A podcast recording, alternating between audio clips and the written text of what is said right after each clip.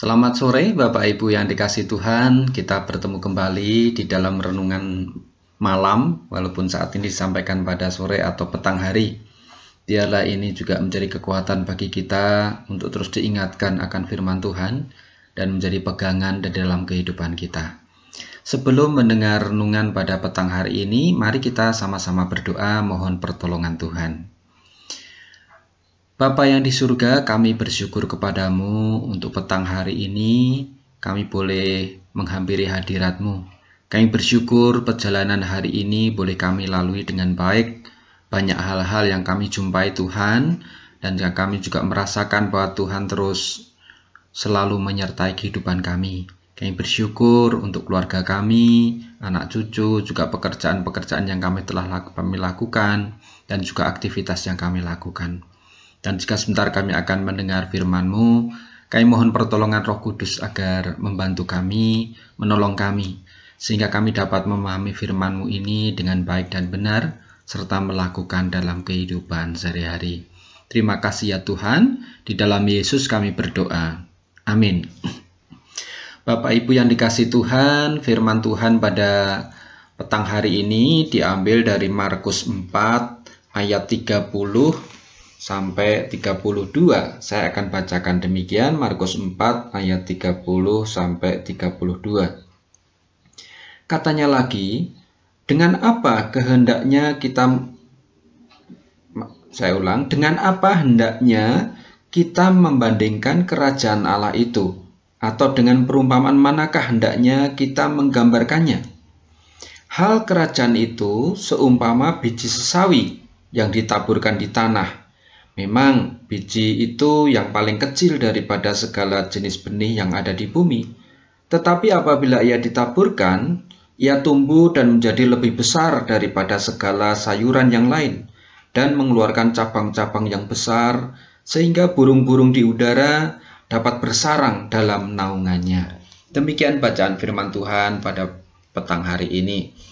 Bapak Ibu yang dikasih Tuhan, saya memberikan judul renungan pada petang hari ini menabur Injil. Di rumah saya ada pekarangan yang memang tidak begitu luas, hanya kecil baik di belakang, di belakang rumah, bagian belakang dan juga di depan rumah. Namun walaupun kecil bisa digunakan untuk sekedar menanam jenis tanaman yang kecil seperti cabai, kemudian ada apa ya tanaman-tanaman uh, hias dan sebagainya. Ada juga yang besar satu yaitu uh, jambu, pohon jambu. Nah di seberang rumah setelah jalan itu ada lahan kosong yang itu kadang juga ditanami. Nah walaupun pekarangan di rumah saya itu tidak luas, tetapi ternyata tanahnya subur. Dan kebetulan istri saya itu suka bertanam, jadi kalau kami habis makan buah itu biasanya bijinya dikumpulkan kemudian ditabur di pekarangan tersebut. Bukan hanya buah tapi juga kadang cabai juga kita taburkan saja. Jadi, cabai yang busuk itu langsung ditaburkan di pekarangan itu. Dan hebatnya karena kemurahan Tuhan itu banyak biji yang tumbuh. Jadi selama ini ada bibit pepaya kemudian ada bibit e, cabai, kemudian ada bahkan ada bibit durian, mangga, jeruk, sirsak. Jadi dengan lahan kecil tidak mungkin kami menanam itu, tapi kok e, itu biji-biji itu pada tumbuh dan subur. Sehingga kami, karena kami tidak punya lahan yang luas, akhirnya bibit tersebut sebagian ditanam di seberang rumah yang kebetulan tanahnya kosong dan belum dipakai jadi coba kami tanam di situ, juga di pinggir jalan, dan ajak juga yang dibawa adik, dibawa ke Jogja dan juga ke beberapa tempat untuk ditanam di pekarangannya. Jadi sekedar menanam biji itu ternyata bisa tumbuh pohon jika dipelihara dan itu juga akan menghasilkan buah-buahan. Dan kelihatannya hanya iseng ya, hanya men, hanya menebarkan saja. Tapi Tuhan yang memberikan pertumbuhan dan pada saatnya tumbuhan itu akan menghasilkan eh, cabang-cabang uh, yang besar, kemudian ada daun-daun dan dari daun-daun ini juga akan menghasilkan oksigen yang berguna bagi manusia dan juga bagi makhluk hidup. Selain itu juga ada burung-burung yang singgah di Depan rumah saya juga ada pohon mangga dan ada sarangnya di situ. Jadi dari yang benih yang kecil itu bisa menjadi pohon yang besar dan bermanfaat. Hal itu juga yang disampaikan oleh Tuhan Yesus tentang kerajaan Allah dalam perumpamaan tentang biji sesawi. Tuhan Yesus mengatakan hal kerajaan itu seumpama biji sesawi yang ditaburkan di tanah. Memang biji itu yang paling kecil daripada segala jenis benih yang ada di bumi. Tetapi apabila ia ditaburkan, ia akan tumbuh dan menjadi lebih besar daripada segala sayuran yang ada. Bukan hanya itu, biji sesawi setelah besar juga akan mengeluarkan cabang-cabang yang besar, sehingga burung-burung di udara dapat bersarang dalam naungannya. Biji sesawi itu tumbuh bukan untuk dirinya sendiri, tetapi juga bermanfaat bagi makhluk lainnya. Mungkin ada semut, di dalam pohon itu ada juga bunglon atau jenis hewan-hewan kecil lainnya yang mendapatkan manfaat dari tanaman itu. Lalu mengapa hal kerajaan Allah diumpamakan seperti biji sesawi yang ditaburkan? Karena demikian Bapak Ibu.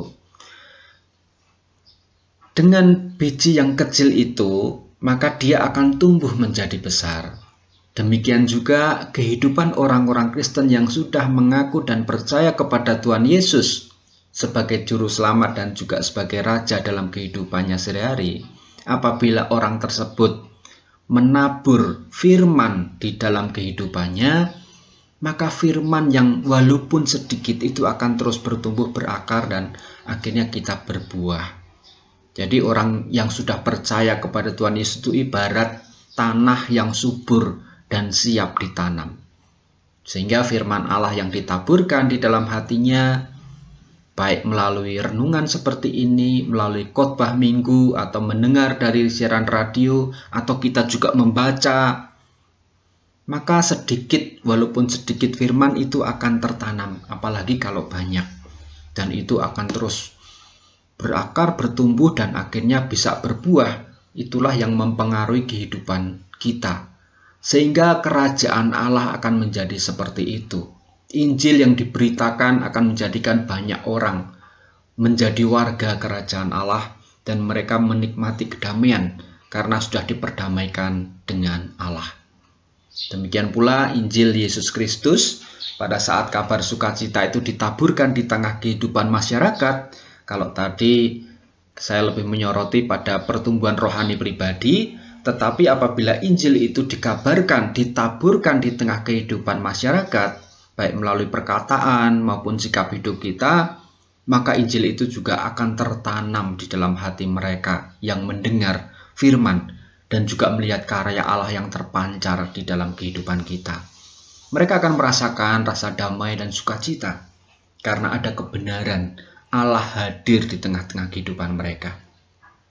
Oleh karena itu, Bapak Ibu yang dikasih Tuhan, benih firman yang ditabur tidak akan kembali dengan sia-sia kebaikan dan kasih yang kita tabur di dalam kehidupan kita juga tidak akan sia-sia.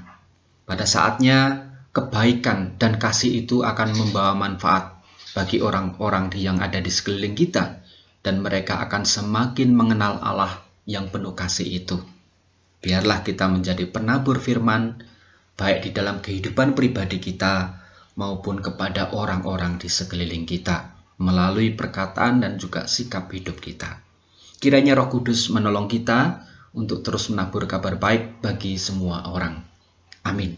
Mari kita menutup renungan petang hari ini dengan doa. Bapa yang penuh kasih kami bersyukur untuk firman-Mu mengingatkan kami bahwa kerajaan Allah itu seumpama biji sesawi yang ditaburkan. Walaupun kecil, saatnya nanti dia akan tumbuh besar dan bermanfaat bagi makhluk-makhluk yang lain. Demikian pula dalam kehidupan kami. Pada saat kami menerima firman-Mu di dalam kehidupan kami, itu akan terus bertumbuh, dan kami firman itu kami lakukan, maka itu akan menjadikan banyak orang melihat karya Tuhan.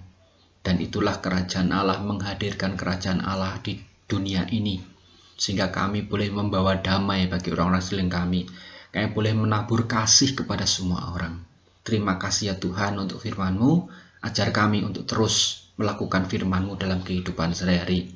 Saat ini kami serakus berdoa untuk ibadah minggu pada esok hari, berkati majelis jemaat yang mempersiapkan dan juga para pelayan yang akan melayani dalam ibadah tersebut, baik PNJ, pemusik, majelis jemaat yang terlibat di dalam pelayanan itu, dan juga lektor, kantoria, dan semuanya Tuhan juga kami yang akan hadir maupun yang mengikuti secara live streaming Berkati agar semua ibadah boleh berjalan dengan lancar. Melalui ibadah itu, maka kami akan diberkati dan kami juga akan terus menjadi anak-anakmu yang tetap setia kepadamu. Terjalin relasi bukan hanya dengan Tuhan, tapi juga dengan sesama. Terima kasih Tuhan, dan kami serahkan doa ini ke dalam tangan kuasamu, dalam nama putramu Tuhan kami, Yesus Kristus. Amin.